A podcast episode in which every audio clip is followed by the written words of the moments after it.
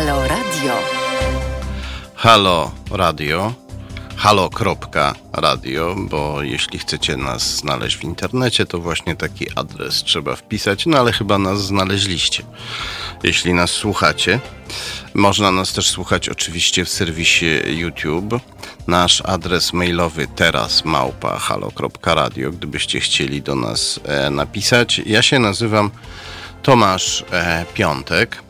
E, jestem redaktorem naczelnym portalu Arbinfo. W tej chwili na Arbinfo od paru dni e, nie ma nowych artykułów. Tak jak mówiłem w poprzedniej audycji, e, e Arbinfo odkryło dość dużą aferę, czy też dość duży temat, który trzeba w tej chwili śledzić. Zaangażowało to nasze siły i dziennikarstwo śledcze na tym polega, że czasem zanim się coś napisze, trzeba bardzo dużo i długo posprawdzać.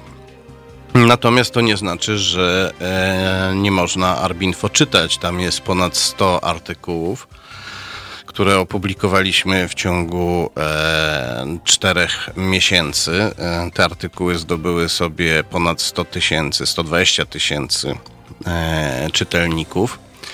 E, te artykuły dotyczą niejasnych, nietransparentnych, e, nieprzejrzystych sieci e, wpływu i powiązań w naszej polityce.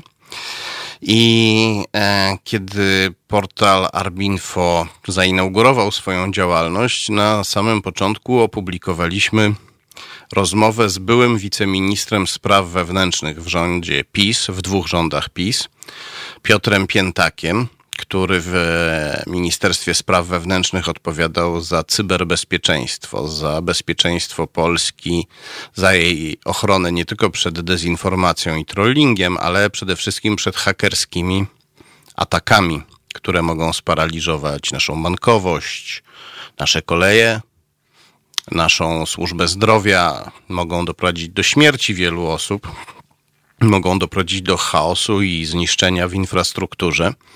To bardzo odpowiedzialna funkcja. Piotr Piętak e, przed, e, był śmiertelnie chory. Wiedział, że umrze i przed śmiercią postanowił podzielić się e, ze mną swoją wiedzą na temat pewnej osoby z rządu PiS, z szeroko rozumianego też obozu władzy PiS, z, tej, z władz tej partii, E, oto co powiedział o tej osobie, o jednym z e, ministrów i funkcjonariuszy PiS. To jest fragment naszej e, rozmowy, którą wtedy zarejestrowałem. Przepraszam za jakość dźwięku, ale warunki nagrywania były trudne. Posłuchajmy, co Piotr Piętak przed śmiercią postanowił powiedzieć Polkom i Polakom.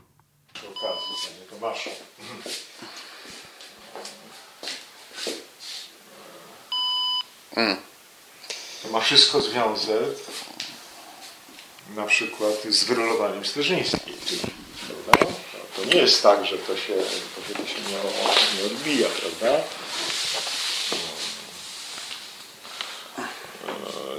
to jak on uniemożliwił prawda, prowadzenie cyberbezpieczeństwa, prawda? No przecież to są w ogóle wszystko skandale, które w ogóle powinny być, on powinien być skazany na, na wiele tego. Streżyńska, o której wspominał Piotr Piętak, to e, minister, która w rządzie PiS odpowiadała za informatyzację i faktycznie została wyrolowana przez innego e, ministra, który doprowadził do tego, że e, Polska stała się e, bezbronna wobec rosyjskich i innych ataków, przede wszystkim rosyjskich. Kim był ten minister, e, możecie się przekonać, kiedy wejdziecie na portal arbinfo.pl. Tam trzeba pogrzebać, bo to jest, na, to jest jeden z pierwszych artykułów opublikowanych przez arbinfo.pl, no ale można wpisać też e, w Google'ach arbinfo piętak i ten artykuł powinien wyskoczyć. W artykule jest nie tylko dokładny zapis rozmowy, ale e, są też nagrania, na których słychać o kim mówi Piotr e, Piętek. Ja e, dodam tylko, że e, niezależne media, którym wcześniej zaproponowałem publikację tego nagrania i tej rozmowy, e, z jakichś przyczyn uważały, że są ważniejsze tematy niż to, że Polska została przez kogoś wystawiona bezbronna na ataki e, wrogich hakerów i że to, co przed śmiercią chciał nam wyznać były wiceminister spraw wewnętrznych w rządzie PiS, nie jest ważne.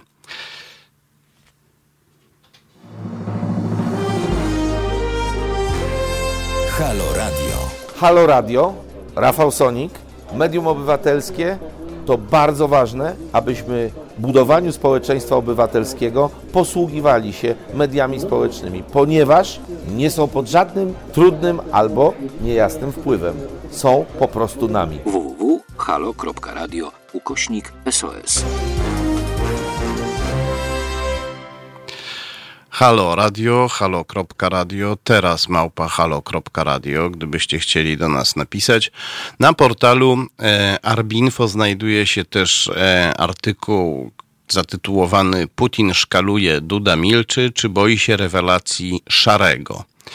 E, znowu, jeśli sobie wpiszecie w Google'ach e, Duda, Arbinfo, e, Filip Szary, to ten artykuł powinien wam wyskoczyć, wygooglać się w Google czy też w Google'ach. Kim jest Szary? To jest jego prawdziwe nazwisko. Filip Szary to jest e, biznesmen, który bezprawnie e, wywoził z Rosji wwoził na teren Unii Europejskiej e, złom i szlam zawierający metale szlachetne. Robił to we współpracy z ludźmi FSB, czyli rosyjskich cywilnych służb specjalnych oraz we współpracy z ludźmi Ramzana Kadyrowa, bandyckiego e, dyktatora Czeczenii, która e, podlega Rosji, a w Rosji władzę absolutną Kadyrowowi e, dał rosyjski dyktator Putin, więc rosyjski dyktator Putin ma swojego mini dyktatora bandytę Kadyrowa, który bezkarnie morduje na skalę niemalże masową, a na pewno seryjną, można tak powiedzieć, e, obywateli Czeczenii. E, w sposób wyjątkowo okrutny prześladuje osoby LGBT ale nie tylko. No i przy okazji ludzie Kadyrowa przy pomocy ludzi FSB i Filipa Szarego e, dorabiali sobie wywożąc ten e, złom do Unii Europejskiej, gdzie go sprzedawali, co było bezprawne nawet z punktu widzenia rosyjskiego prawa, no ale jak wiadomo w Rosji prawo na tym polega, że niektórzy są ponad prawem. Zresztą nie tylko w Rosji tak jest, ale w Rosji jest to e, zjawisko, e, można powiedzieć, niemalże wpisane do konstytucji albo prawie. To jest e, bezkarność władzy i e, jej prawo do bezprawia jest e, w putinowskiej Rosji e, czymś codziennym. No i tak się składa, że Filip Szary swoim znajomym z rosyjskich służb specjalnych i z gangu bandyty Kadyrowa chwalił się swoją znajomością z prezydentem Andrzejem Dudą, pokazywał zdjęcie, jakie sobie z nim robił, e, obiecywał tym bandytom i e, agentom rosyjskim, że ich zaprzyjaźni, że ich zapozna z, przy, z prezydentem Dudą. Wysłaliśmy w tej sprawie, ja wysłałem, no ale mówię wysłaliśmy, bo wysłaliśmy jako portal Arbinfo zapytanie do kancelarii prezydenta na temat jego e, znajomości na temat jego ewentualnych spotkań z Filipem Szarym i na temat zdjęcia, które Filip Szary sobie zrobił z prezydentem Dudą, otrzymaliśmy w odpowiedzi bardzo długi list z kancelarii prezydenta, w którym było dużo rzeczy, ale nie było tam odpowiedzi na pytanie, czy e, Duda spotykał się nieoficjalnie z Filipem Szarym i czy zrobił sobie z nim e, zdjęcie. Do tego, co na portalu Arbinfo zaraz wrócimy. O, ktoś pozdrawia. Dobry wieczór, panie Tomaszu. Ja, ja też, e, ja też serdecznie, e, ja też serdecznie pozdrawiam. E, Mm, o, tutaj mamy e, jeszcze e, poradę od jednego z naszych komentatorów, Andrzej Nimajłowski, czy Nimajlowski. Panie redaktorze, zamiast Google'a, który szpieguje swoich użytkowników, polecam wyszukiwarkę, która tego nie robi. Jest takich kilka, osobiście polecam DuckDuckGo. Eee, obawiam się, że bardzo wiele wyszukiwarek szpieguje, także te, które się reklamują jako nieszpiegujące, ale rzecz jasna e, wypróbuję tę te, te poradę. Polecam Google'a, ponieważ większość osób, którym zaproponuję, żeby coś wyszukały, wyszukają, wyszukają w Google. Natomiast to jest prawda, że dobrze jest się informować o tym, e, które wyszukiwarki i jak nas szpiegują, ale też dobrze jest pamiętać, że nie wszystkie wyszukiwarki, które twierdzą, że nie szpiegują, albo o których przeczytamy w internecie, że nie szpiegują, e, to naprawdę nie szpiegują. Niestety e, w tych sprawach trzeba zasięgnąć czwartego, piątego i szóstego zdania, jeżeli ktoś chce uniknąć, e, uniknąć inwigilacji. No w przypadku Google'a inwigilacja jest zresztą dosyć oczywista, bo e, jeżeli e, rozmawiamy sobie e, mając telefon w kieszeni, rozmawiamy z osobą siedzącą obok w pokoju i mówimy o proszę,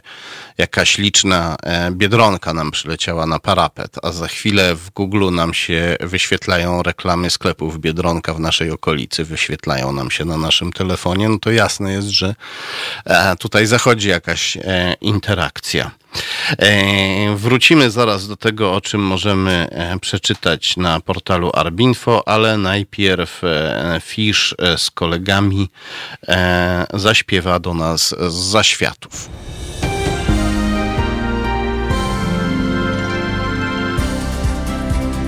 Halo Radio. Pierwsze radio z wizją.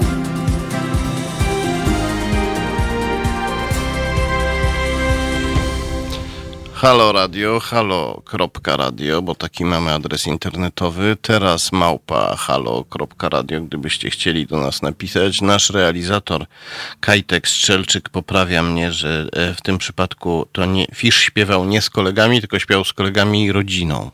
Co się zgadza, bo e, był tam jeszcze jego brat udział w tej produkcji brał. Mamy telefon, dzwoni do nas pani Olga. Halo? Tak, dobry wieczór. Yy, Przepraszam, e, przedstawi się pani, skąd pani dzwoni? Yy, no ja niestety dzwonię z zagranicy. Nie, nie, nie siedzę w Polsce, jestem z, mieszkam w Newcastle w Anglii. Ale chciałam panu powiedzieć, bo tak. Ja nie czuję się w ogóle na siłach nie wiem skąd Pan bierze tą energię, żeby wszystkie te historie po prostu wyskrobać, że tak powiem. Przepraszam, jestem trochę przeziębiona.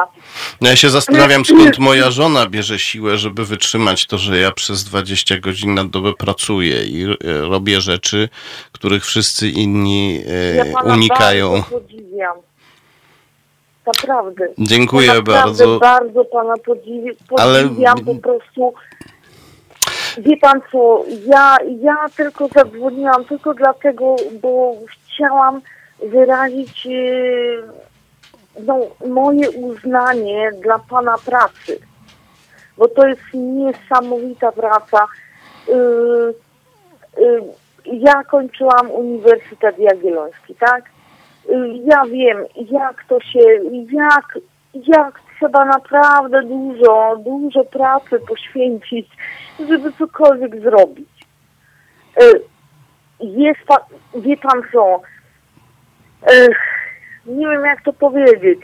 E, ja chciałam naprawdę wyrazić swoje wielkie uznanie dla pana pracy, bo ja wiem, jak ta praca i jak to ile trzeba poświęcić godzin, żeby po prostu cokolwiek e, wyłuskać. Ogromnie, ogromnie dziękuję.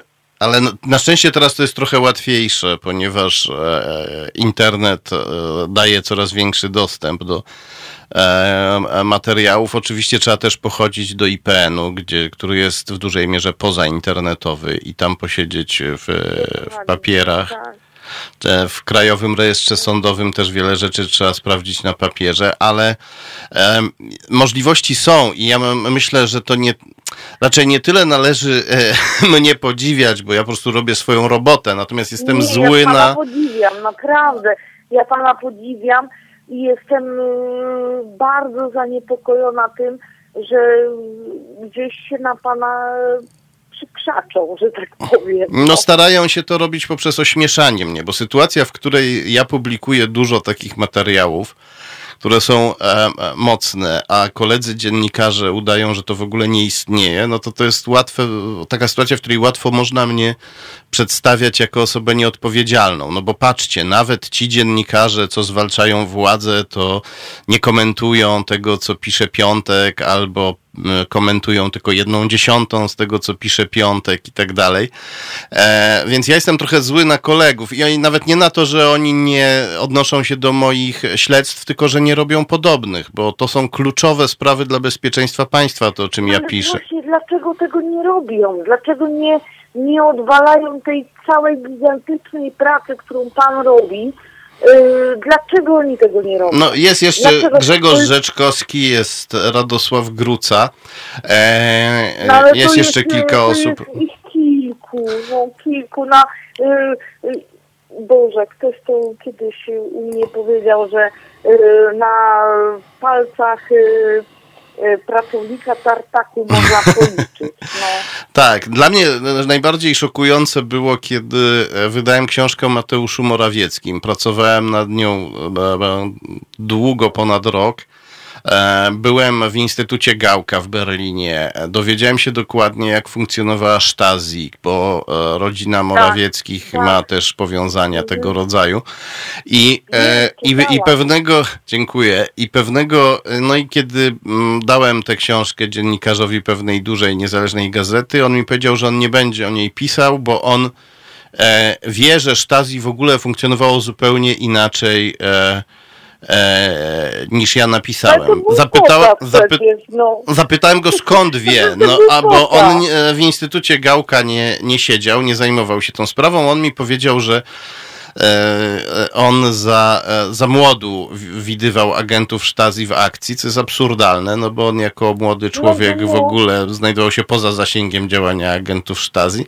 No ale tak to jest, e, niestety. I jak takie osoby sobie coś wbiją do głowy, jak takie osoby znajdą sobie choćby nawet absurdalne usprawiedliwienie dla swojego strachu przed pewnymi tematami, no to także mm, wielka inteligencja i doświadczenie tych osób nie pomaga. Niestety. Eee, I to jest, i to jest, to jest problem. Pan naprawdę odkrył niesamowitą rzecz.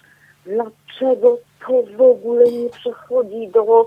Yy, to powinno być na, na paskach telewizji. To, co pan mówi. No powinno być, to ale... na paskach powinno być. Dziękuję bardzo, no ale niestety w naszym kraju jest wielka, długa tradycja chowania głowy w piasek.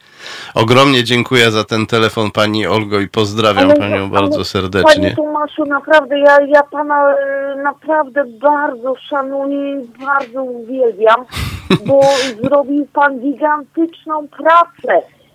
Sta dziękuję. W kraju po prostu nie, w ogóle pana nie słucha. To jest, to jest dla mnie przerażające. No i za parę lat prawdopodobnie będą sobie wyrywać włosy z głowy i mówić, dlaczego nie słuchaliśmy Piątka, Rzeczkowskiego, Radosława Grucy. E, dziękuję ogromnie za, e, za, ten, e, za ten telefon, za te dobre słowa. Dziękuję też komentatorom, którzy słuchają nas w serwisie YouTube i gdzie też e, e, w, widzę, że wpisali dużo ciepłych słów. To ogromnie pomaga. E, ja bardzo polecam serwis Arbinfo, o którym teraz mówimy, gdzie również jest seria artykułów na temat Wojciecha Fetki. Też można sobie wpisać w wyszukiwarkę Wojciech Fedko przez D, Fedko, e, Arbinfo i w ten sposób można te artykuły znaleźć. Wojciech Fedko to jest człowiek, który jako bardzo młody człowiek, wręcz nastolatek, zaczynał swoją karierę we Włoszech jako asystent zarządu mafijnej spółki Difrabi, spółki związanej z neapolitańską Camorrą. Ta spółka truła mieszkańców Neapolu nielegalnymi e, wysypiskami toksycznych odpadów. Później przybyła do Polski, gdzie sponsorowała, gdzie finansowała e, firmę założoną przez Jarosława Kaczyńskiego, firmę Telegraf, o której było głośno w latach 90. E, po czym pan Fetko nagle wyjechał do Kanady, gdzie pracował w Ministerstwie Finansów oraz w Wielkim Banku, nie wiadomo dlaczego, a w 2016 2015 roku Mateusz Morawiecki uczynił go e, wiceprezesem e, Polskiej Agencji Informacji i Inwestycji Zagranicznych. I w tej roli pan Fetko jeździł do Moskwy, gdzie spotykał się z ludźmi związanymi z GRU, z organizacją przestępczą gangstera Siemiona Mogilewicza i z Roskongres Foundation. To jest taka putinowska rosyjska organizacja, która ma za zadanie ściągać e, e, biznes światowy do Rosji, żeby pieniądze przypływały do Rosji. No i pan Fetko również z tą e, organizacją współpracował. Polecam artykuły na temat pana Fedki na portalu Arbinfo. Tutaj ktoś napisał, widzę, Tomasz Piątek jest lodołamaczem ale to my musimy rozpowszechniać jego pracę. E, dziękuję ogromnie e, komentatorowi czy komentatorce. Dziękuję za te wszystkie ciepłe słowa. A teraz, skoro już tutaj wszyscy jesteśmy gotowi e, się e, zbuntować w imię prawdy, to posłuchajmy, jak buntownicze krzyki wydaje z siebie Wilhelm Bożek.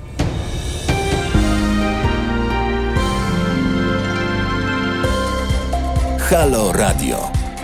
Pierwsze medium obywatelskie.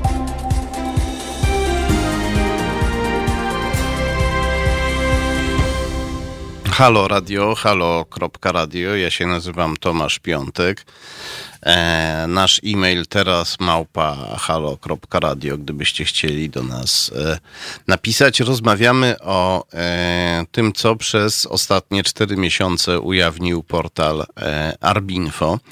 E, przyznam się, że m, jakiś czas temu po prostu rumieniłem się, to jest mało powiedziane, głęboko się wstydziłem za Polskę, za polskich dziennikarzy, za ten chłam, którym jesteśmy karmieni, kiedy oglądałem e, serial e, hagiograficzny, bo to tak trzeba powiedzieć, serial e, Hagiografia to są żywoty świętych. Kiedy oglądałem w Kanal Plus serial na temat dwóch świętych i okrutnie umęczonych biznesmenów Andrzeja Gąsiorowskiego i Bogusława Baksika ze słynnej e, spółki e, ArtB, gdzie oni zostali przedstawieni jako takie cudowne e, dzieci rodzącego się w latach 90. biznesu, którzy w ciągu paru miesięcy nagle mieli miliardy, nie wiadomo jaki, latali z tymi miliardami helikopterem nad Polską.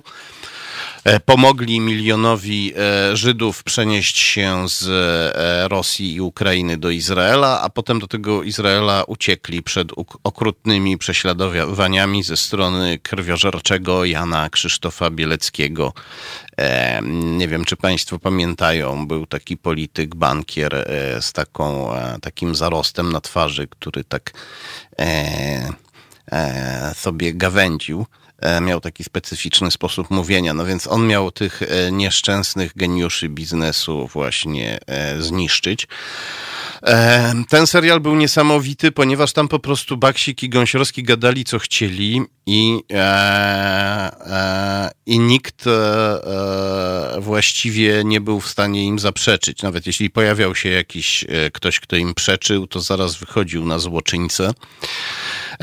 Tymczasem z Baksikiem i Gąsiorowskim historia jest taka, że mm, mamy dwóch ludzi z dość szczególnego w Polsce środowiska, które ja akurat osobiście znam, e, mm, ze środowiska protestantów ewangelikalnych. Mm, to są artyści, muzycy. Jeden jest zielonoświątkowcem, drugi baptystą, i to e, oczywiście nie jest żadna okoliczność obciążająca.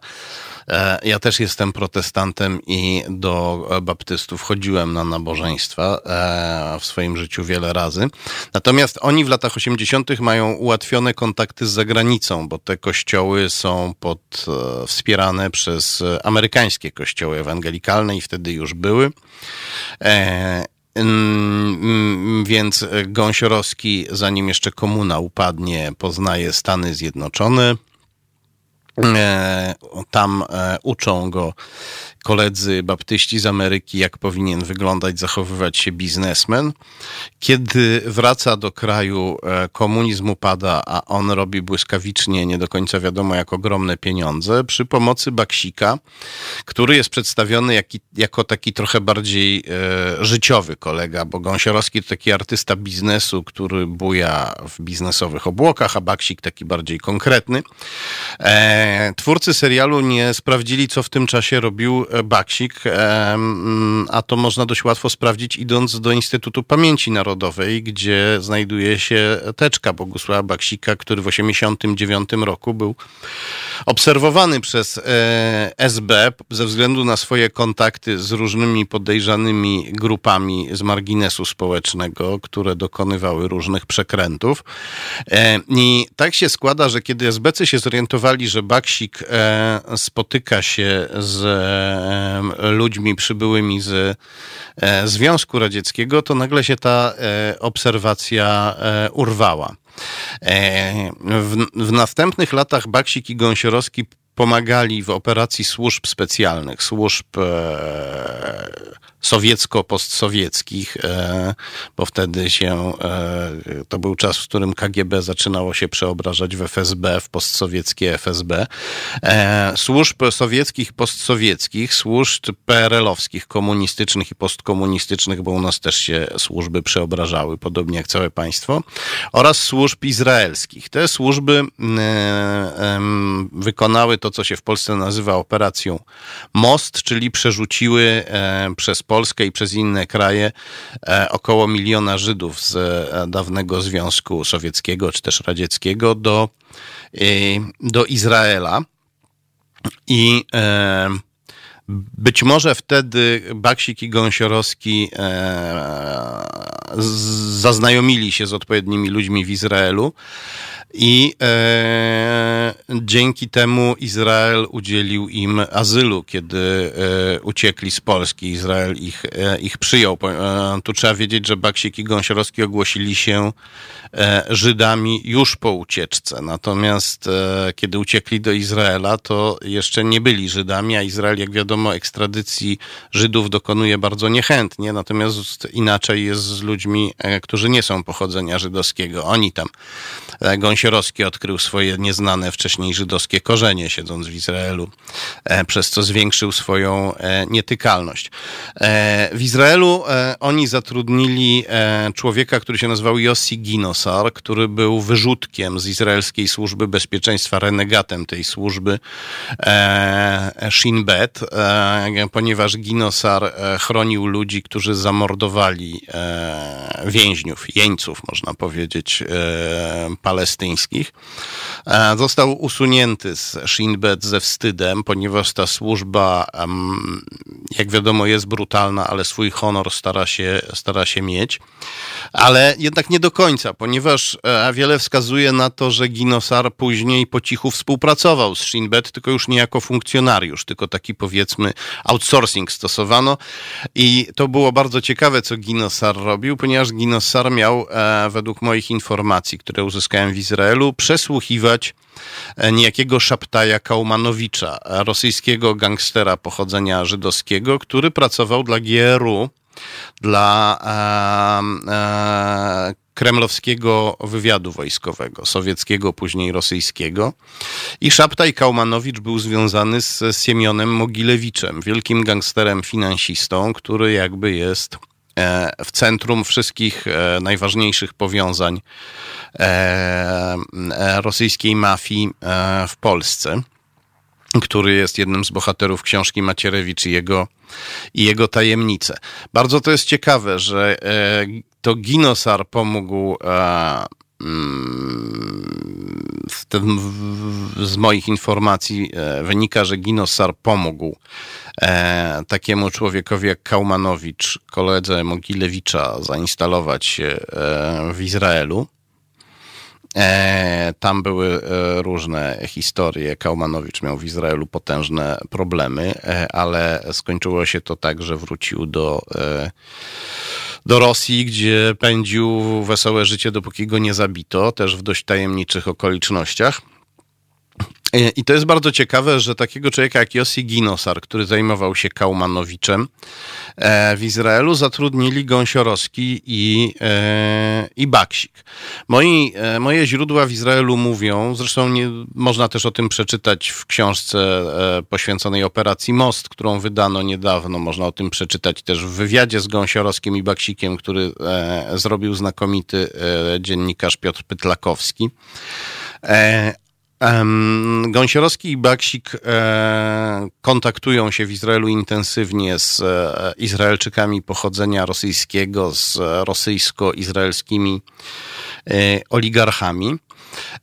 Baksik został aresztowany w Szwajcarii w pewnym momencie i przywieziono go do Polski. Został osadzony w więzieniu. Kiedy wyszedł, zatrudnił się w zakładach futrzarskich prowadzonych przez człowieka związanego z mafią pruszkowską, a, a mafia pruszkowska to polska odnoga rosyjskiej mafii sącewskiej, którą opiekuje się wspomniany wcześniej supergangster Siemion Mogilewicz. Sześć lat temu Bogusław Baksik e, uczestniczył w tak zwanych oszustwach na prezesa. Mm, e, to na ten temat można wiele przeczytać w aktach warszawskiego sądu. E, polegało to na tym, że do prezesa w Szwajcarii dzwonił e, prezes firmy matki tamtego prezesa z Francji i mówił przelej natychmiast do Polski po cichu, potajemnie półtora miliona dolarów. E, szczegóły ci wyślę w mailu. E, po czym okazywało się, że mail przychodził z fałszywego konta prezes, który dzwonił do prezesa, nie był prezesem, tylko imitatorem głosu, a e, czy też używał e, aparatury imitującej głos tamtego prezesa, natomiast e, pieniądze trafiały na konto Baksika w Polsce, który później e, przerzucał je na Cypr, skąd trafiały do Singapuru, e, a e, robił to między innymi dzięki gwarancji bankowej, którą wydał mu rosyjski Gazprom Bank. E, jak sama nazwa wskazuje, e, bank e, związany z rosyjskim gigantem paliwowym Gazprom. To jest bardzo ciekawe. Bardzo ciekawe jest również to, że ksiądz Tomasz Jegierski, który ujawnił machinacje finansowe nieżyjącego Kornela Morawieckiego, mówił, że Bogusław Baksik pomagał Kornelowi Morawieckiemu, kiedy ten starał się zatuszować aferę Getback, a tak się składa, że Getback należy należy do e, e, wielkiego funduszu inwestycyjnego, który robi interesy również w Rosji i na Ukrainie, gdzie wspierał e, pośrednio reżim prokremlowskiego prezydenta Janukowycza. Jeżeli chcecie się w tym gąszczu niezwykłych powiązań i przygód Gąsiorowskiego i Beksika zorientować lepiej, to proponuję sobie też e, wygooglać Gąsiorowski, Baksik, Arbinfo. Wygooglać albo poszukać w innej, bezpieczniejszej wyszukiwarce. Tutaj e, doradza jeden z komentatorów. E, na portalu Arbinfo znajdują się artykuły na temat działalności Bogusława Baksika, które serdecznie polecam. A teraz Bob Marley e, będzie się zastanawiał nad e, swoim stanem emocjonalnym. Halo Radio. Gadamy i trochę gramy.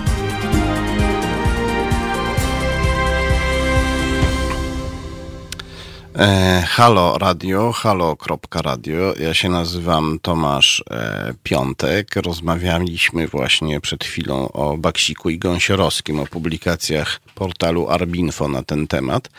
Jeden z komentatorów pisze e, w serwisie YouTube, gdzie można też nas słuchać, że e, czytałem, że chodziło tylko o to, że Izrael nie wydaje oskarżonych o przestępstwa skarbowe.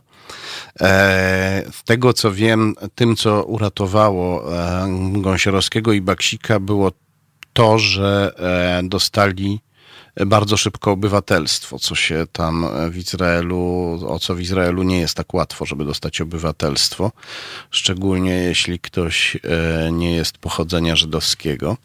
E, oni nie byli, aczkolwiek e, nagle się sobie zaczęli te korzenie żydowskie w jakiś niezwykły sposób znajdować. To jest sprawa bardzo To jest sprawa bardzo e, tajemnicza. Na e, portalu e, Arbinfo można o tym przeczytać więcej. Można też przeczytać o e, fundacjach, takie nazwijmy, Fundacji Pro Prawo do Życia i o Fundacji Ordo Juris, które e, próbują nam tutaj w Polsce zafundować całkowity zakaz aborcji, czyli e, wojnę religijną. E, Fundacja Pro Prawo do Życia jest kierowana przez Mariusza Dzierżawskiego, który występuje w portalu Sputnik, występował w portalu Sputnik, który jest należy do Rosjan, należy do Kremla, jest propagandową tubą Kremla. E, w zarządzaniu tą fundacją panu Dzierżawskiemu pomaga Alieg Prybyło, e, lub też Ołech Prybyło, e, przybysz e, z Ukrainy, e, mający tam na wschodzie różne biznesowe koneksje. E, mm, jeśli chodzi o fundację Ordo Juris, która jest tutaj najbardziej kojarzona, ta fundacja jest częścią globalnej sekty, bo to trudno inaczej nazwać sekty TFP. E, sekta powstała w Brazylii. Skrót TFP to e, po portugalsku Tradição Familia Propriedade, czyli tradycja, rodzina, własność. E, założył tę e, sektę e, prawnik Plinio Correa de Olivera, który już nie żyje, ale członkowie TFP modlą się do niego i do jego matki, obcują z jego duchem. W tej sekcie stosowano pranie mózgów, przymusową abstynencję seksualną. Nowicjusze musieli biegać na czworakach i wołać jestem świnią.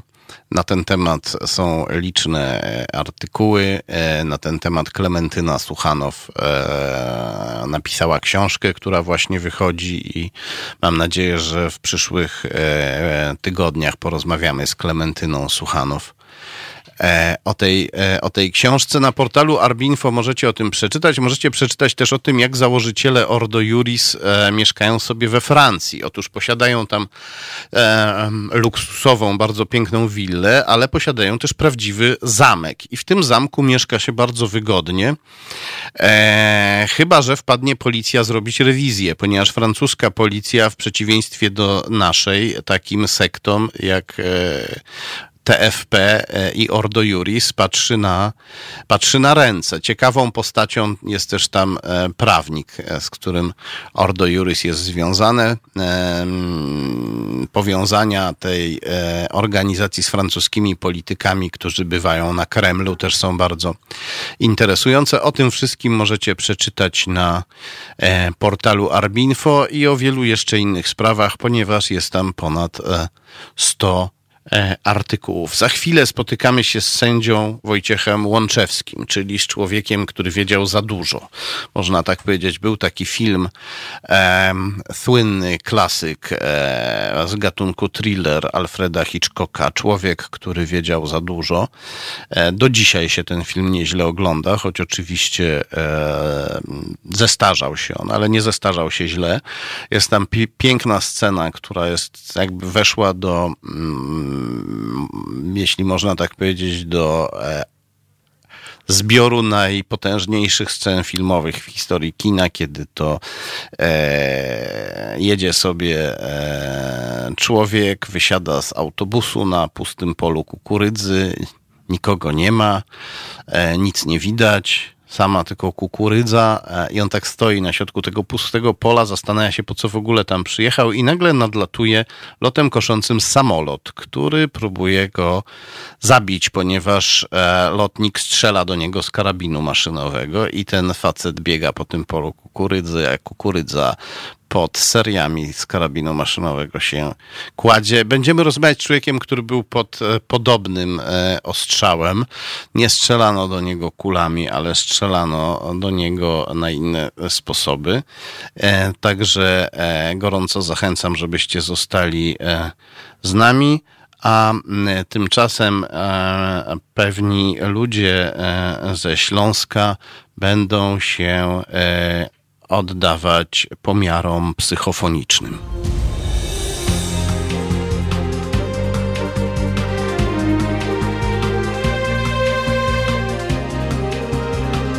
Halo Radio.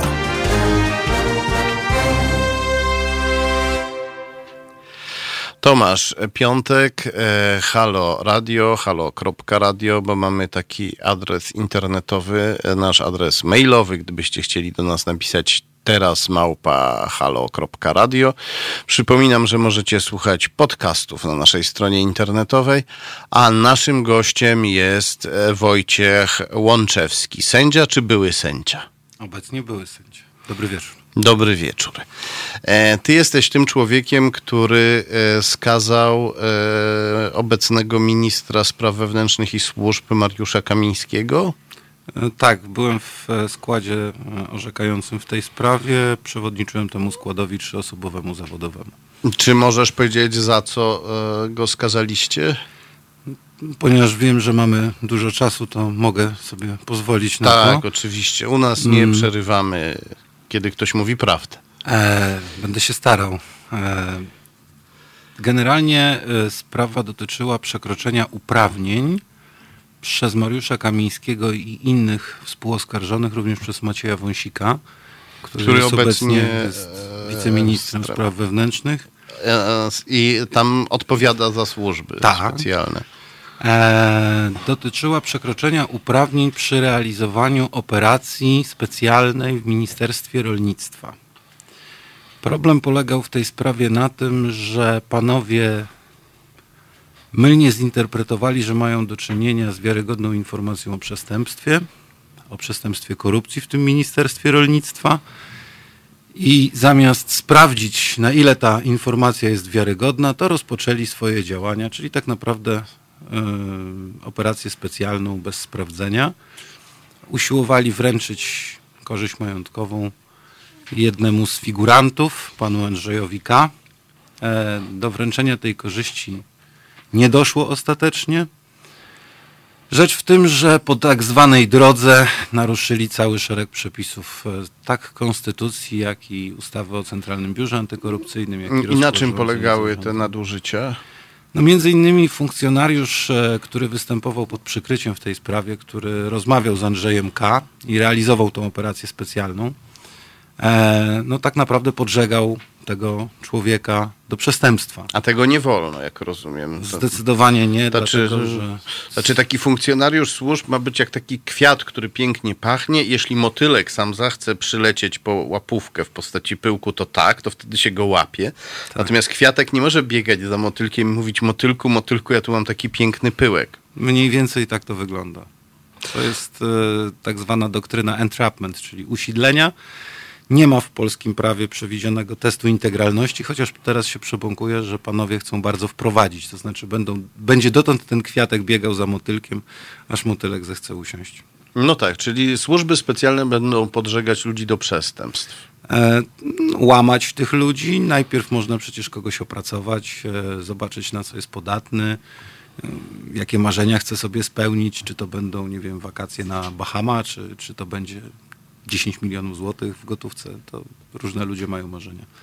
No i to jest ten moment, kiedy ja się cieszę, że jestem alkoholikiem i narkomanem, bo e, nauczyłem się, e, lecząc się z tej choroby, że jeżeli chcę przeżyć, e, przetrwać i, i, i, nie wrócić do ćpacia, ćpania i picia, to muszę to nie mogę robić świństw. No bo jak zrobię świństw, zacznę oszukiwać innych, to w końcu oszukam siebie. Wmówię sobie, że mogę pić i ćpać. Więc e, ja się w, te, w tej sytuacji czuję mnie jakoś, mnie, mnie jako człowieka, mnie jako mnie to nie przeraża ta, ta, takie możliwości, o których mówisz, natomiast przeraża mnie myśl, że e, no, e, nie wszyscy ludzie, do których mogą tacy funkcjonariusze trafić, będą tak przeterapeutyzowani jak ja i że jakby te służby zamiast zwalczać przestępczość mogą przyczynić się do e, rozkwitu. No to jest inny jeszcze problem. Ty jesteś, ja to mówię, ujawniony, tak? To znaczy, ty nie masz problemu z tym, ty mówisz, że miałeś problem z narkotykami, czy miałeś problem z alkoholem, prawda? Natomiast są ludzie, którzy to skrzętnie ukrywają. Skrzętnie niektórzy ukrywają swoją orientację seksualną. Można sobie tylko wyobrazić, jakie to jest pole do działania. Albo upodobania. Różne. Tak, y, to jest pierwsza sprawa, jeśli chodzi o A czy taki naruszenie. funkcjonariusz może na przykład zrobić taki numer, że e, przyjdzie do kogoś i powie e, zrób wałek, bo zrób ze mną wałek, e, zróbmy razem przestępstwo, bo jak nie, to ujawnię twoje zdjęcia, na których jesteś e, przywiązany do słupa i bity przez żonę. E, I facet wtedy robi to przestępstwo, a funkcjonariusz mówi, haha, mam cię. Zrobiłeś przestępstwo, pójdziesz siedzieć, a przy okazji śledztwa te zdjęcia i tak wypłyną. No, znaczy, y, ja mam teraz problem, jak to powiedzieć, bo powie, powiem według y, starego porządku, tego rodzaju działanie byłoby niezgodne z prawem, ale my teraz żyjemy w takiej innej troszeczkę W rzeczywistości. nowym nieporządku. Nie w starym porządku, tylko w nowym Tak, nieporządku. powiedzmy, więc e, panowie, jeżeli na kogoś polują, a ci panowie są znani ze swojej zapalczywości, to również takich, e, nawet powiem więcej, że jeden z takich przykładów znam w ich działalności dotyczył osoby z mojej grupy zawodowej.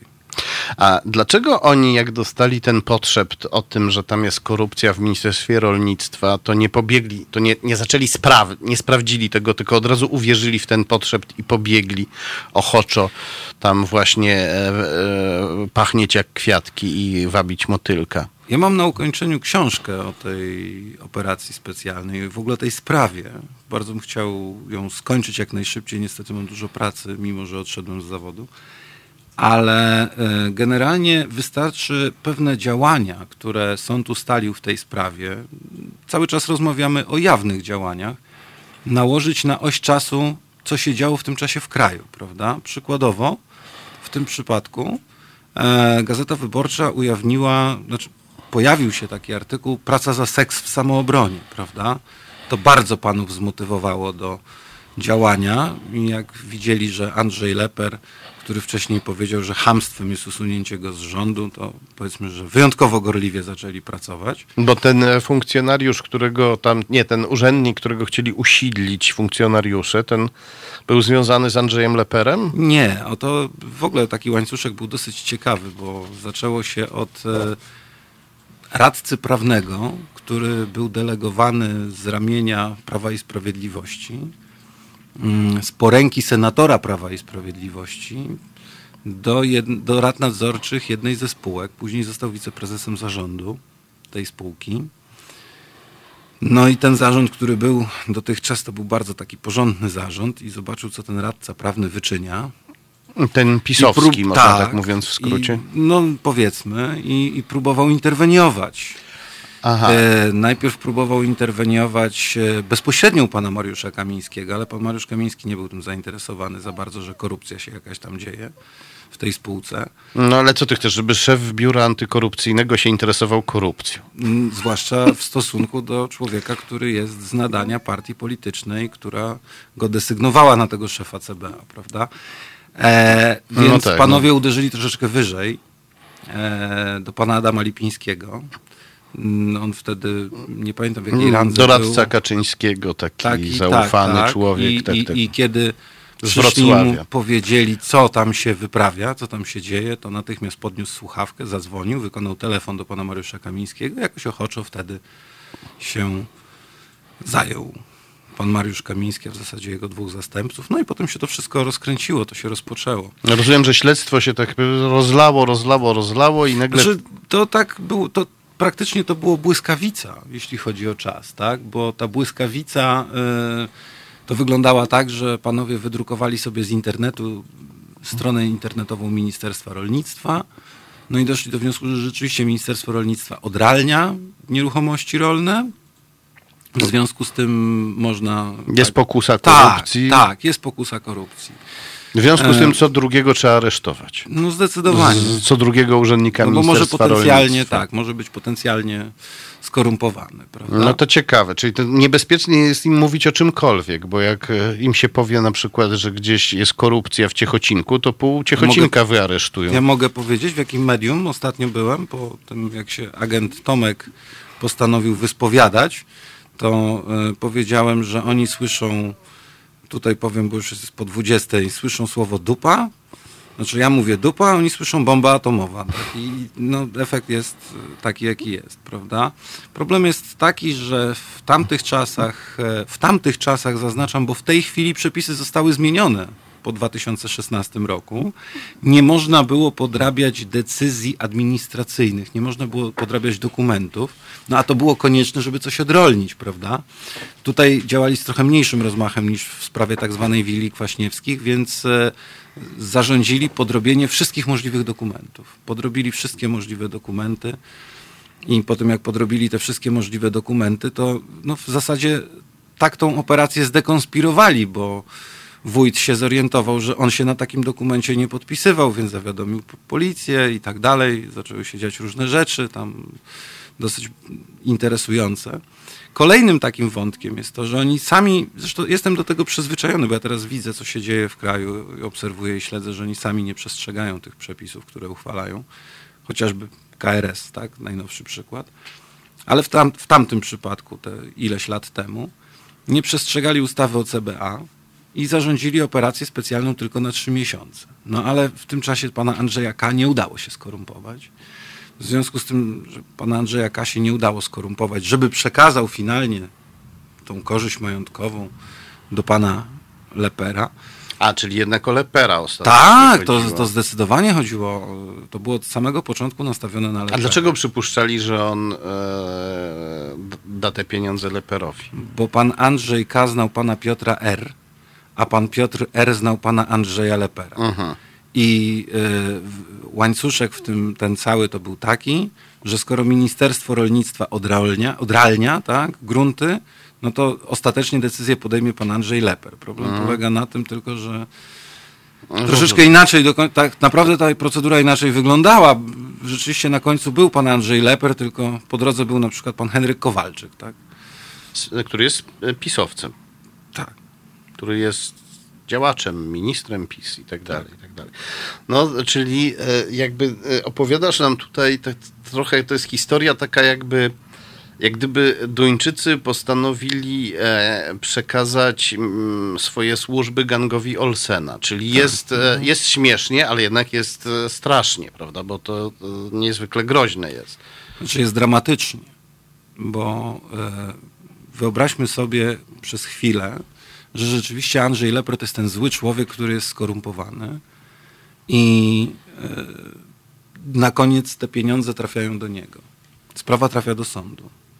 I każdy sąd musiałby pana Andrzeja Lepera uniewinnić, ponieważ operacja specjalna była obliczona na trzy miesiące. Nie można jej przedłużyć zgodnie z przepisami ustawy o CBA, a on by przyjął te pieniądze dopiero w lipcu, czyli trzy miesiące już po terminie, kiedy ta operacja się skończyła więc nie ma dowodu, bo dowód jest zdobyty w sposób Wtedy jeszcze nie wolno było korzystać z bezprawnie uzyskanych dowodów. Tak, wtedy teraz, jeszcze... Teraz, teraz, e, teraz, teraz wolno, teraz się dużo zmieniło, zaraz do tego e, przejdziemy. To znaczy ja przerwę tylko, żeby była jasność. E, jest taki przepis rzeczywiście 168a kodeksu postępowania karnego, natomiast orzecznictwo sądów jest takie, w tym Sądu Najwyższego, że jest to niezgodne z konstytucją. Także co prawda pan prokurator Święczkowski deklaruje, że wszystkich będzie wsadzał sędziów, którzy nie będą stosowali 168 KPK, ale sędziowie się nie boją i nie stosują. To dobrze, że e, sędziowie się nie boją. Zaraz e, wrócimy do tego, tylko dostałem właśnie taki SMS interwencyjny w trakcie programu. E, napisała do mnie moja żona napisała: e, Wydajesz dużo dźwięków jak stękanie prosto do mikrofonu i odwracasz tym uwagę od treści. Bardzo przepraszam wszystkich za to, że wydaję dużo dźwięków i odwracam uwagę od treści. Postaram się poprawić. A najpierw. E, e Dźwięki z siebie wyda David Bowie, który zaśpiewa nam o e, chińskiej dziewczynie a potem wrócimy do e, naszej rozmowy. Halo Radio.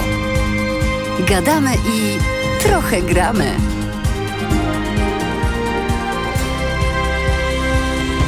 Halo Radio, halo.radio teraz małpa halo.radio. Gdybyście chcieli do nas napisać, taki mamy adres internetowy teraz małpa halo.radio. Ja się nazywam Tomasz Piątek. Rozmawiamy z sędzią, byłym sędzią Wojciechem Łączewskim, który w swoim czasie skazał e, obecnego ministra spraw wewnętrznych i służb specjalnych Mariusza Kamińskiego, tego pana, który niedawno e, wystąpił w Sejmie, ponieważ była debata na temat e, jego e, e sprawowania przez niego funkcji. E, opozycja domagała się e, dymisji. On tam wyszedł i trzęsąc się nieco, widać było, że mocne emocje, e, ale tym swoim takim cichym, matowym głosikiem mówił o tym, że jest dobrze, bo wykrywają jakieś kosmiczne ilości afer. Nie wspomniał o tym, że e, co najmniej 10 milionów im zginęło z funduszu operacyjnego. Mowa tutaj o Centralnym Biurze Antykorupcyjnym. Ale skoro rozmawiamy właśnie o e, zagadkowych aferach, to muszę cię zapytać o tak zwaną aferę twitterową, e, w której podobno się zostałeś e, skompromitowany, czy straszliwie się skompromitowałeś, ponieważ e, wspólnie z Tomaszem Lisem planowałeś obalenie rządu, a potem okazało się, że Tomasz Lis nie był Tomaszem Lisem, tylko fałszywym kątem. Czy mógłbyś przybliżyć te e, kwestie? To może tak. E, po wydaniu tego wyroku, o którym rozmawialiśmy przed. Na Mariusza Kamińskiego. Tak.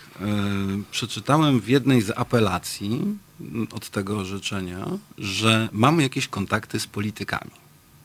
Że ty masz? Tak. Przyznam się szczerze, że nie przypominam sobie, żebym miał, ale taki zarzut się w apelacji pojawił. Ale może to był prostu... wyrok wydany na zlecenie polityczne. Ale słuchaj, może ty po prostu gotujesz dobre pierogi, nie? Tak jak pani prezes sądu Trybunału Konstytucyjnego, do niej przychodzi prezes rządzącej partii na pierogi. Na pierogi przychodzi? No tak, tak. No, ona jest że na mielonego. Ona jest odkryciem, ona, ona nawet mielonego mu wsadzi do pieroga, jeśli on sobie zażyczy. No ona mhm. jest jego odkryciem towarzysko-kulinarnym. Więc może ty też po prostu dobrze gotowałeś, przychodzili do ciebie jacyś ludzie i oni się okazali później politykami.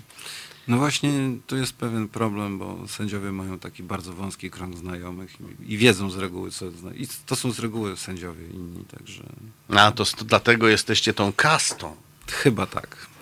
No, ale, no. ale tak całkiem na poważnie żyłem sobie bardzo spokojnie, nic się nie działo. Oczywiście burza gdzieś tam trwała, jakieś groźby ciągle przychodziły też do sądu.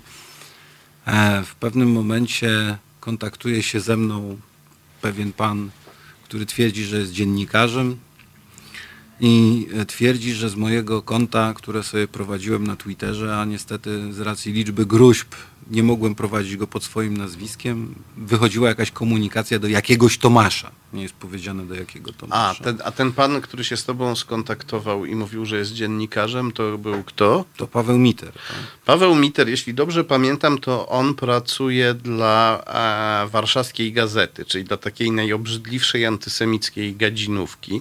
I to jest chyba jakiś mój zarzut do poprzedniego wymiaru sprawiedliwości, do starego porządku, którego tutaj bronisz, że w czasach starego porządku już ten szmatławiec działał, a powinien zostać e, zamknięty i po prostu zniszczony procesami zaszerzenia antysemityzmu.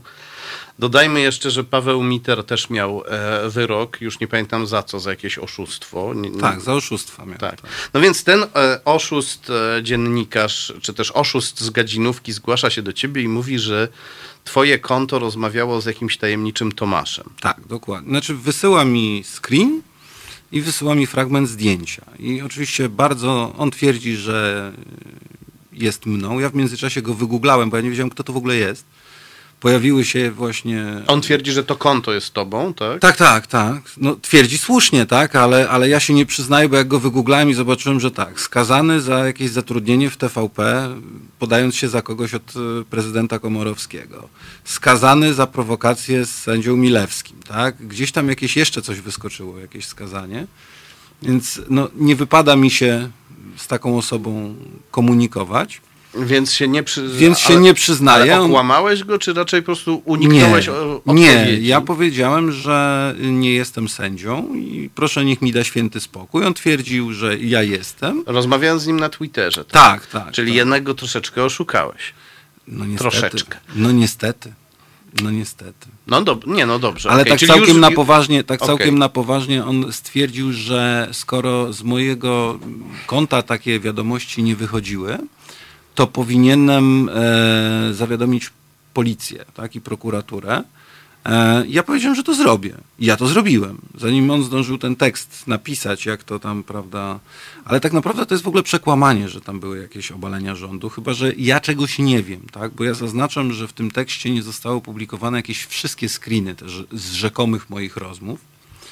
Bo... Ale to miały być rozmowy z tego twojego mhm. konta, które miałeś tam Ta. anonimowo. Tak z kontem Tomasza Lisa, tak? Tak. tak. Ale e, ta, komunika e, ta komunikacja, którą opublikował Miter, była, jak rozumiem, jak twierdzisz, sfałszowana, tak? To nie było, znaczy, to nie, nie ja twierdzę, to biegli tak twierdzą, biegli bo biegli tak wydali, wydali opinię na potrzeby prokuratury, e, na zlecenie prokuratury, że z moich, żadnego z moich urządzeń nie wychodziła komunikacja taka, jak opublikowana E, w... Jak ta, którą pokazał mi teraz. Tak, dokładnie. Więc, więc e, i skoro z żadnego z moich urządzeń, oni oczywiście szermują tym, że, bo nie było włamania na żadne z moich urządzeń. I to jest akurat prawda, że nie było włamania. Tylko co z tego, jak nie było, że nie było włamania, skoro komunikacji też nie było, prawda? Także tak to wygląda. No dobrze. I e, czy w tej sprawie zapadł jakiś wyrok? Coś zostało stwierdzone? 13 Jest... grudnia Sąd Rejonowy dla Warszawy Mokotowa umorzył, e, uchylił przepraszam, postanowienie prokuratora o umorzeniu śledztwa z mojego zawiadomienia, uznając, że jestem pokrzywdzonym, że na moją szkodę popełniono przestępstwo. Miter popełnił. Nie wiem, czy Miter popełnił. Nie wiem, kto wytworzył te screeny. No ale Miter w tym uczestniczył. To... On, jego przynajmniej za rękę możemy złapać. No wcześniej jeszcze się okazuje, że dwóch innych panów e, uczestniczyło w tym, tak? Czyli e... będzie postępowanie w sprawie przestępstwa. No ale cały czas ofiarą. się toczy. Cały czas no się dobrze, toczy. To Sąd dla... to uchylił, stwierdzając, że prokurator nie ma racji, a tydzień później prokurator mi postawił zarzuty, że złożyłem fałszywe zeznania. Mhm. Czyli rozumiem, że. Aha, czyli toczą się równolegle postępowania. Tak. W jednym jest. I prowadzi ofiarą... ten sam prokurator. Prokurator prowadzi postępowanie, w którym ty jesteś ofiarą i postępowanie, w którym ty miałbyś być przestępcą? Tak. Ten sam? Tak. Tak, no to, ja wiem, że to jest schizofrenia. No nie, to teraz mnie zatkało, ponieważ ja, ja, ja wiem, że obecna nasza władza, wzorująca się na władzy bratniej putinowskiej Rosji, jest zdolna do wszystkiego, ale teraz to mnie zatkało. To, nie, no, ten sam prokurator prowadzi... Nie, no teraz to w jakimś kosmosie jesteśmy. Ja nie wiedziałem. Służę dokumentami na pendrive. No, proszę Państwa, nie, nie. To teraz e, proszę, chcę, żeby nam to wszystko zapadło w pamięć, szczególnie ta ostatnia rzecz, którą powiedział sędzia, były sędzia Łączewski, obecny tutaj w studiu.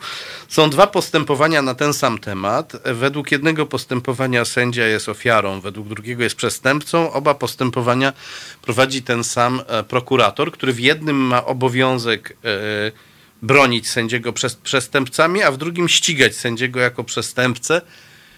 I w związku z tym musimy chyba posłuchać, jak czerwone papryczki swoim pikantnym żarem roztapiają śnieg. Halo Radio. Gadamy i trochę gramy.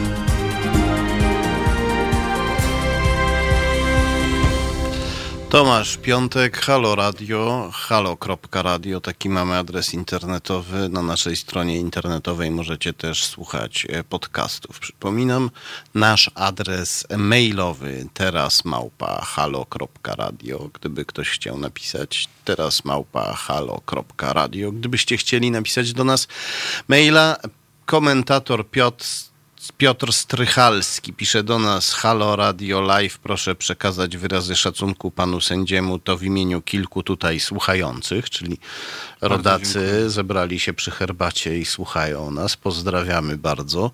E, komentator napisał to w serwisie YouTube, bo można też nas słuchać i oglądać na YouTube. E, w przerwie powiedziałeś, że przesłuchiwałeś bardzo interesujące osoby, kiedy prowadziłeś sprawę e, dotyczącą Mariusza e, Kamińskiego, obecnego ministra spraw wewnętrznych.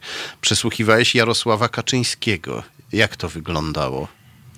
To znaczy, y, przesłuchanie polityka, który kieruje największą na tamten czas partią opozycyjną, powinno, i to moim zdaniem jest y, procedura stosowana też w stosunku do innych grup zawodowych, chociażby do lekarzy, uwzględnić, że to są ludzie bardzo zajęci, więc e, wyznaczyliśmy cztery terminy rozpraw w listopadzie, sugerując, żeby wzywając go na wszystkie cztery, żeby sobie wybrał, tak, który mu termin najbardziej odpowiada. Napisał, że te dwa pierwsze mu nie odpowiadają, bo wtedy były wybory samorządowe, to był listopad 2014. Powiedział, że się stawi po wyborach. Potem e, stwierdził, że się jednak nie stawi po wyborach, bo sytuacja tego wymaga. Przypominam, że wtedy wykrzyczał z, e, z mównicy sejmowej, że wybory zostały sfałszowane.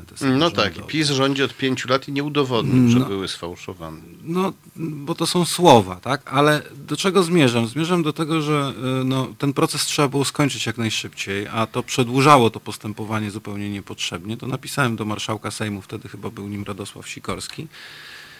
Jakież to ważne obowiązki posła Kaczyńskiego zatrzymały w Sejmie, bo że bardzo proszę, żeby się tutaj, prawda, e, określił jeżeli tam bodaj w styczniu był kolejny termin, jeżeli e, mógłby się stawić, no to bardzo go zapraszamy serdecznie, a jeżeli jest w tych dniach posiedzenie Sejmu, to żeby usprawiedliwił nieobecność w godzinach od do, prawda? Marszałek Sejmu, żeby usprawiedliwił. No i rzeczywiście Jarosław Kaczyński się stawił na to przesłuchanie. Nie, pamiętam, że ono było w styczniu. Ale Straż Marszałkowska go doprowadziła? Nie, przyszedł sam, z tym, że to jakieś w ogóle było y, jakaś aberracja, tak? Y, bo chwilę, dzień wcześniej przed tą rozprawą zaczęły się telefony. E, kogo ja w ogóle wzywam? I to był telefon z sądu okręgowego. E, I czy ja mam świadomość, że jest trudność z tym, żeby on wszedł do sądu? Więc ja mówię, jak to jest trudność, żeby z tym, bo on wchodzi, chodzi z ochroną, a ta ochrona chodzi z bronią, a ludzi z bronią nie wolno wpuścić do sądu, tak? Ja mówię, no to wejdzie sam, tak? No to, nie jest mój problem, prawda? Bo on jest wezwany, on ma się stawić. Obywatel. I, no tak, i, i, i tutaj nie ma problemu. Przyszedł e, na salę rozpraw. Wszystko się odbyło bardzo mile i sympatycznie, poza takim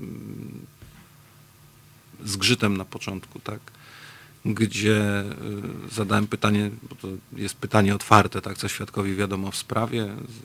Pyta się w jakiej sprawie? Mówię, no, tak zwanej afery gruntowej. Nie, uważam, że nie tak zwanej. Ja mówię, proszę świadka, jest świadek doktorem prawa z tego, co sądowi jest wiadome. Mówię, to zechce świadek sądowi powiedzieć, w którym to akcie prawnym jest definicja legalna pojęcia afera. No i pan prezes Kaczyński się tak trochę zmieszał i mówi, a to już rozumiem, o co sądowi chodzi. Tak, no ale potem to wyglądało, wyglądało to tak, jak to wyglądało. Tak, odbyło się przesłuchanie, w części było to przesłuchanie z wyłączeniem jawności, z uwagi na pewne wątki, które były poruszane, bo ja przypominam, że to dotyczyło początku funkcjonowania Centralnego Biura Antykorupcyjnego. 2006 e, roku i później 2007 roku. W tym czasie pan prezes Kaczyński był premierem. Tak, sąd chciał się pewnych rzeczy dowiedzieć. No, co tam u niego w gabinecie ustalali? No nie do końca tego się sąd kogo, kogo chciał dowiedzieć, kogo ale... aresztujemy, kogo wyprowadzimy w kajdankach przed nie, kamery? Nie, nie, ale, ale ponieważ CBA za pierwszy rok działalności chwaliło się takim sukcesem chociażby jak pomalowanie klatki schodowej lub zawarcie umowy na dostawę prądu, to sąd chciał się dowiedzieć, czy czegoś jeszcze CBA nie brakowało, no i... Batoników. Na przykład. I czy kupowali od szwagra? Raczej chodziło o akty pytanie. prawne do, działa, do działania, czy nie brakowało, bo tam był taki pewien dość duży problem, że nie było zarządzenia prezesa Rady Ministrów, które regulowałoby obieg, to tak znowu wracamy do początku, tak, które regulowałoby obieg dokumentów legalizacyjnych. A oni mimo tego te dokumenty wytwarzali i obracali. Dokumenty legalizacyjne, czyli? E, czyli na przykład podrobione dowody osobiste, prawa jazdy na inne Których nazwiska. oni używają, żeby się wcielać w różne role. Tak. No, Aha, przykład... czyli oni, e, czyli e, agent Tomek i jego koledzy, kiedy udawali, e, że są kimś innym, to robili to przez pewien czas bezprawnie. Zupełnie. Przez pewien czas, tak. Do, konkretnie do 27 sierpnia 2007 roku to robili to zdecydowanie bezprawnie. Czyli jak długo to, to ta bezprawna... No, mniej więcej przez rok. Przez rok. Przez rok CBA działało bezprawnie.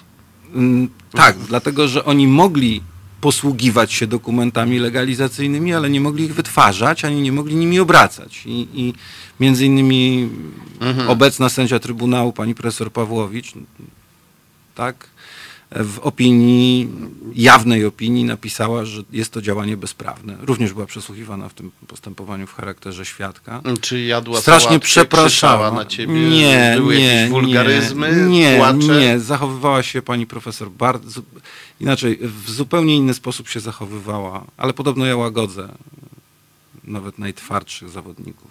Więc... No to słuchaj, a jest, jeżeli łagodzisz nawet najtwardszych Czy może inaczej, widać było, że emocje nią targają, ale panowała nad nimi. Więc jeśli łagodzisz najtwardszych zawodników, to dlaczego odszedłeś e, z zawodu, jak to się mówi, czy też porzuciłeś powołanie? Mm, tak naprawdę to są trzy powody. Mm, jednym z tych powodów i głównym tym powodem to było zawłaszczanie wymiaru sprawiedliwości przez partię rządzącą. Ja ponad wszelką wątpliwość e, wiedziałem, że coś takiego jak tak zwana ustawa e, kagańcowa będzie wprowadzona po wyborach, jeżeli one zostaną wygrane przez Prawo i Sprawiedliwość. Ja nie chciałem w tym uczestniczyć. E, I tak naprawdę byłem pierwszy, który powiedział dość głośne nie. W tej chwili w stan spoczynku przeszedł sędzia Zabłocki. Ja nie przeszedłem stan spoczynku, ja odszedłem po prostu z zawodu. Natomiast sędzia Zabłocki również z tego powodu wprowadzenia tej ustawy. Ja wiedziałem po prostu, co się dzieje. A z drugiej strony ja już miałem dość takiej sytuacji, gdzie pan minister sprawiedliwości, człowiek kompletnie bez odwagi, bo jeżeli jest taki odważny, to powinien zacząć wykonywać zawód prawnika, a nie skazywać kogoś na konferencjach. Ciągle mnie lży, poniża, e, w jakiś sposób. E, ja, ja o nim nie mówię, czy on się nadaje, czy on się nie nadaje, i, i tego się będę trzymał. Ale e, e, z tego co wiem, to pewnego dnia znalazłeś też ślad po kuli, po pocisku, przestrzelinę w masce swojego samochodu. E, tak, to było, to było e, w 30 grudnia 2016 roku. Po pracy rzeczywiście jak wsiadłem, to się okazało, ja początkowo myślałem, że to jest jakiś robak na szybie, jakieś, nie, nie, nie wyglądało to jakoś tam groźnie. E, później nie dowierzałem, myślałem, że to może jakiś kamyk, a jak mm, przyszło co do czego, to e, okazało się ostatecznie, że to jest przestrzelony, e, przestrzelona szyba. To a pocisk znaleziono? Nie, to był prawdopodobnie śród z wiatrówki i tak się biegłe, tak się biegłe wypowiedział w opinii, dlatego zdecydowałem się złożyć zawiadomienie. I co prokuratura z tym zrobiła? A jak zwykle w takich przypadkach sprawcy nie wykryła. To znaczy tak, przyznała, że było zniszczenie e, mienia, przyznała, że jest to pocisk z wiatrówki, ale sprawcy nie ustaliła. Eee. E, dodam, że prowadził to postępowanie były kapitan ABW który... Agencji Bezpieczeństwa Wewnętrznego, tak, czyli kontrwywiadu cywilnego później... i służby bezpieczeństwa. Nie nazywajmy ich aż tak szumnie kontrwywiadem. No wiem, jest ich co, przede wszystkim coraz ich e, mniej jest ABW, e, coraz, więc coraz trudniej im być kontrwywiadem. Nie żeby zawsze, nie żeby kiedyś byli szczególnie efektywni. Nie, ale, ale teraz... to jest niesamowita historia. Ja to muszę powiedzieć, żeby słuchacze wiedzieli, e, że postępowanie prowadził pan, który był kapitanem ABW, został prokuratorem za czasów e, tak zwanego pierwszego PiSu, e, a dostał to postępowanie i kiedy ja wszedłem do niego na przesłuchanie, to on mówi, a czy pan wie, że to ja jestem tym prokuratorem, który umorzył śledztwo w sprawie tak zwanej willi Kwaśniewskich, bo tam poszedł akt e, oskarżenia, mhm co do części został przez sąd zwrócony, a on w ciągu jednego dnia 70 tomów przeczytał i wydał postanowienie o umorzeniu. Coś niesamowitego. Wybitny człowiek musi być. No może on nie był taki chyba film Moja macocha jest kosmitką i tam Kim Basinger chyba, jeśli dobrze pamiętam, e, e, czytała książki przez dotykanie. Dotykała książkę i w ten sposób natychmiast ją e, miała już przeczytaną. E, czy ty się bałeś wtedy o swoje życie? Wiesz co, e, jak się wykonuje zawód sędziego i się orzeka w naprawdę poważnych procesach karnych, przy czym ten proces, e, o którym cały czas rozmawiamy, to nie jest akurat najpoważniejszy, jeśli chodzi o stopień zagrożenia, to no, pewne rzeczy się przyjmuje naturalnie. Tak? Ja już e, prowadziłem takie postępowania, że przychodzili, przychodzono, tak, proszono, żebym się zgodził, żeby mieć ochronę, tak? i to nie dotyczyło tego procesu, żeby była jasność. E, więc ja do pewnych rzeczy przywykłem, tak. Mm, ja się nie obawiam o życie. Potrafię się bronić skutecznie. Ty specjalizowałeś się e, poniekąd, można tak powiedzieć. No nie, no ale miałeś bardzo dużo do czynienia z, pra z prawem dotyczącym służb specjalnych i służbami specjalnymi, więc chciałem Cię na koniec zapytać o jedną rzecz, która jest dosyć intrygująca. Chodzi o e, aferę taśmową z 2014 roku. Grzegorz Rzeczkowski w książce Obcym alfabetem udowodnił, e, no książka się składa właściwie z samych dowodów, udowodnił, że to była e, operacja rosyjskich służb specjalnych. E, restauracja, w której podsłuchiwano, została założona przez menedżerów powiązanych z Rosją. Inna restauracja, w której podsłuchiwano, została założona przez menedżera powiązanego z rosyjską mafią i FSB.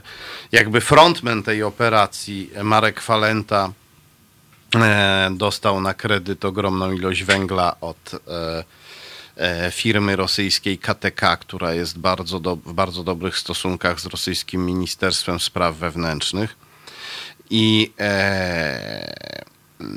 e, I jak to opisuje Rzeczkowski, zresztą wcześniej Wojciech Szczuchnowski też o tym pisał w Gazecie Wyborczej, e, Falenta bierze taśmy z Sowy i przyjaciół, idzie z nimi do kierownictwa PiS. Kierownictwo PiS te taśmy bierze od Falenty, przyjmuje ten zatruty prezent, ale e, daje go jeszcze do sprawdzenia swoim ludziom pracującym w strukturach e, CBA.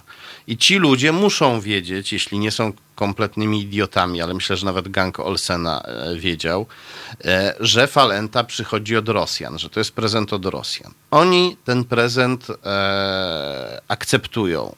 Mówią, tak, tak, użyjmy tych taśm. I mm, ja do tej, ja, ja i wszyscy inni, z którymi rozmawiam, no interpretujemy to jako wyraz skrajnego cynizmu i takiego partyjnej interesowności. Nieważne, czy to jest zatruty prezent od wroga kraju, ważne, żeby przeciwnika partyjnego, czyli Platformę Obywatelską wykończyć. Jednak wiem, że istnieje teoria, jakoby e, również w kierownictwie CBA były e, osoby w jakiś sposób e, powiązane z Rosją. Mnie to w moich badaniach nigdy nie, nie wyszło. Ale chciałem Cię zapytać, czy Ty zetknąłeś się z jakimiś tropami wiodącymi w tym kierunku?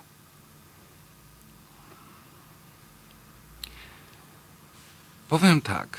Hmm służby specjalne mają to do siebie, nieważne czy to, czy to jest wywiad, czy to jest kontrwywiad i nieważne jakiego kraju, że wykorzystują różne grupy ludzi do swoich działań, mm, ale cechą tego wykorzystania jest tajność.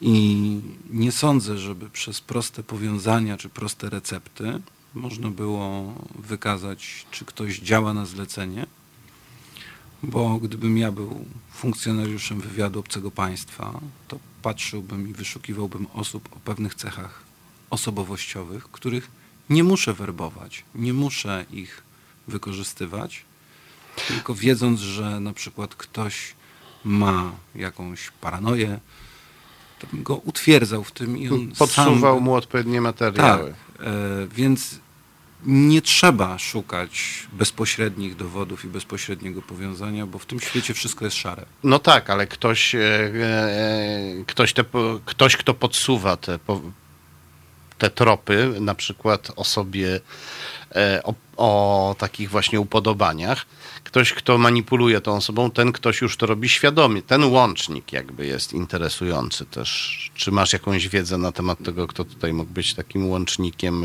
w samym CBA, jeśli taki był? Yy, powiem tak. Yy, dziwnym trafem wszystko się dzieje w delegaturze wrocławskiej. No tak, ponieważ ci funkcjonariusze CBA, którzy dla Kaczyńskiego sprawdzali taśmy falenty, to byli funkcjonariusze CBA z Wrocławia, ludzie głęboko pisowscy. Nie wiem, czy oni są głęboko pisowscy. Myślisz, że są głęboko rosyjscy? Myślę, że, myślę, że jeden z funkcjonariuszy y, zasłynął podobno sprowadzaniem pani lekkich obyczajów, y, panien lekkich obyczajów do delegatury. To jest chyba obce ze światopoglądem tej partii politycznej, więc nie może być chyba głęboko pisowski, no chyba, że byłby aż tak zdemoralizowany. Ale no. tak przy okazji, no skoro już jesteśmy w takim wątku, to byłby to świetny materiał na werbunek, gdybym był tym oficerem obcego wywiadu i wiedział, że taki funkcjonariusz przyprowadza te panie lekkich obyczajów do delegatury. To można by było się pokusić. I zgodnie z tym, co mówisz, nie byłby to e, staromodny, pełen werbunek, podpisz mi tu teraz cyrograf, nie. tylko to byłoby e, manipulowanie człowiekiem tym razem za pomocą strachu. Tak, ale tego się tak nie załatwia. O, no oczywiście, od dawna się tego nie załatwia. Ani nigdy się tego nie załatwia. Znaczy, w, być może w kontrwywiadzie tak, ale w wywiadzie nigdy się tego nie załatwia poprzez podpisanie Cyrogra cyrografu. Tak? Ale niestety e, problem jest taki, że e, nasze media bardzo źle o tych sprawach informują i kiedy na przykład ja publikuję książkę o licznych powiązaniach Antoniego Macierewicza z Rosją, to od razu pojawia się taka myśl, aha, czyli jest szpiegiem, czyli podpisał cyrograf, to pokażcie ten cyrograf i tę walizkę rubli, którą dostał od Putina, a to się przecież nie tak załatwia. Nie, to się zdecydowanie nie tak załatwia i Antoni Macierewicz może być w tej całej historii całkowicie niewinny.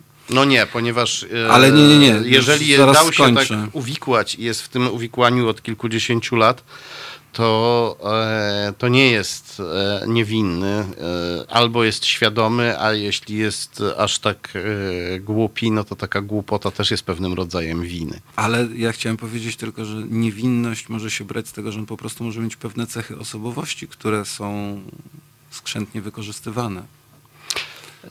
Myślę, że jest człowiekiem inteligentnym, mimo swoich niezwykłych rzeczywiście cech osobowości i od pewnego czasu dłuższego wie, co się dzieje, choć może stara się tego nie dopuszczać do swojej świadomości, a cechy osobowości mu w tym pomagają. Ja jednak przypuszczam, że jest, e, że jest świadomy. A, no ale to jest oczywiście temat do dalszych e, badań, które będą jeszcze pewnie trwały. Za krótko. E, dziękuję Ci bardzo za tę rozmowę. Rozmawialiśmy dziękuję. z sędzią Wojciechem Łączewskim, który z byłym sędzią. Znaczy ja mogę jedną rzecz tak, tylko tak? powiedzieć, bo byłem o to poproszony. E, po geście pani poseł Lichockiej, czy posłanki, posłanki Lichockiej, tak. E, powstała taka grupa na Facebooku, jest wydarzenie szykowane na 21 marca. 2 miliardy powodów.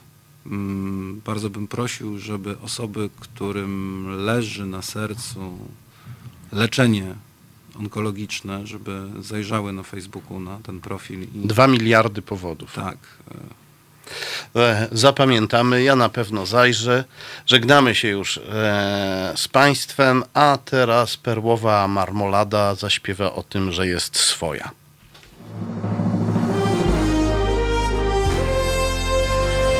To proste.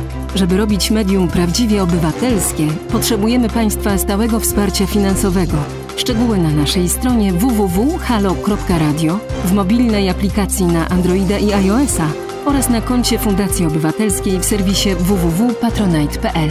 Naszym darczyniom i darczyńcom serdecznie dziękujemy. www.halo.radio. Słuchaj na żywo, a potem z podcastów.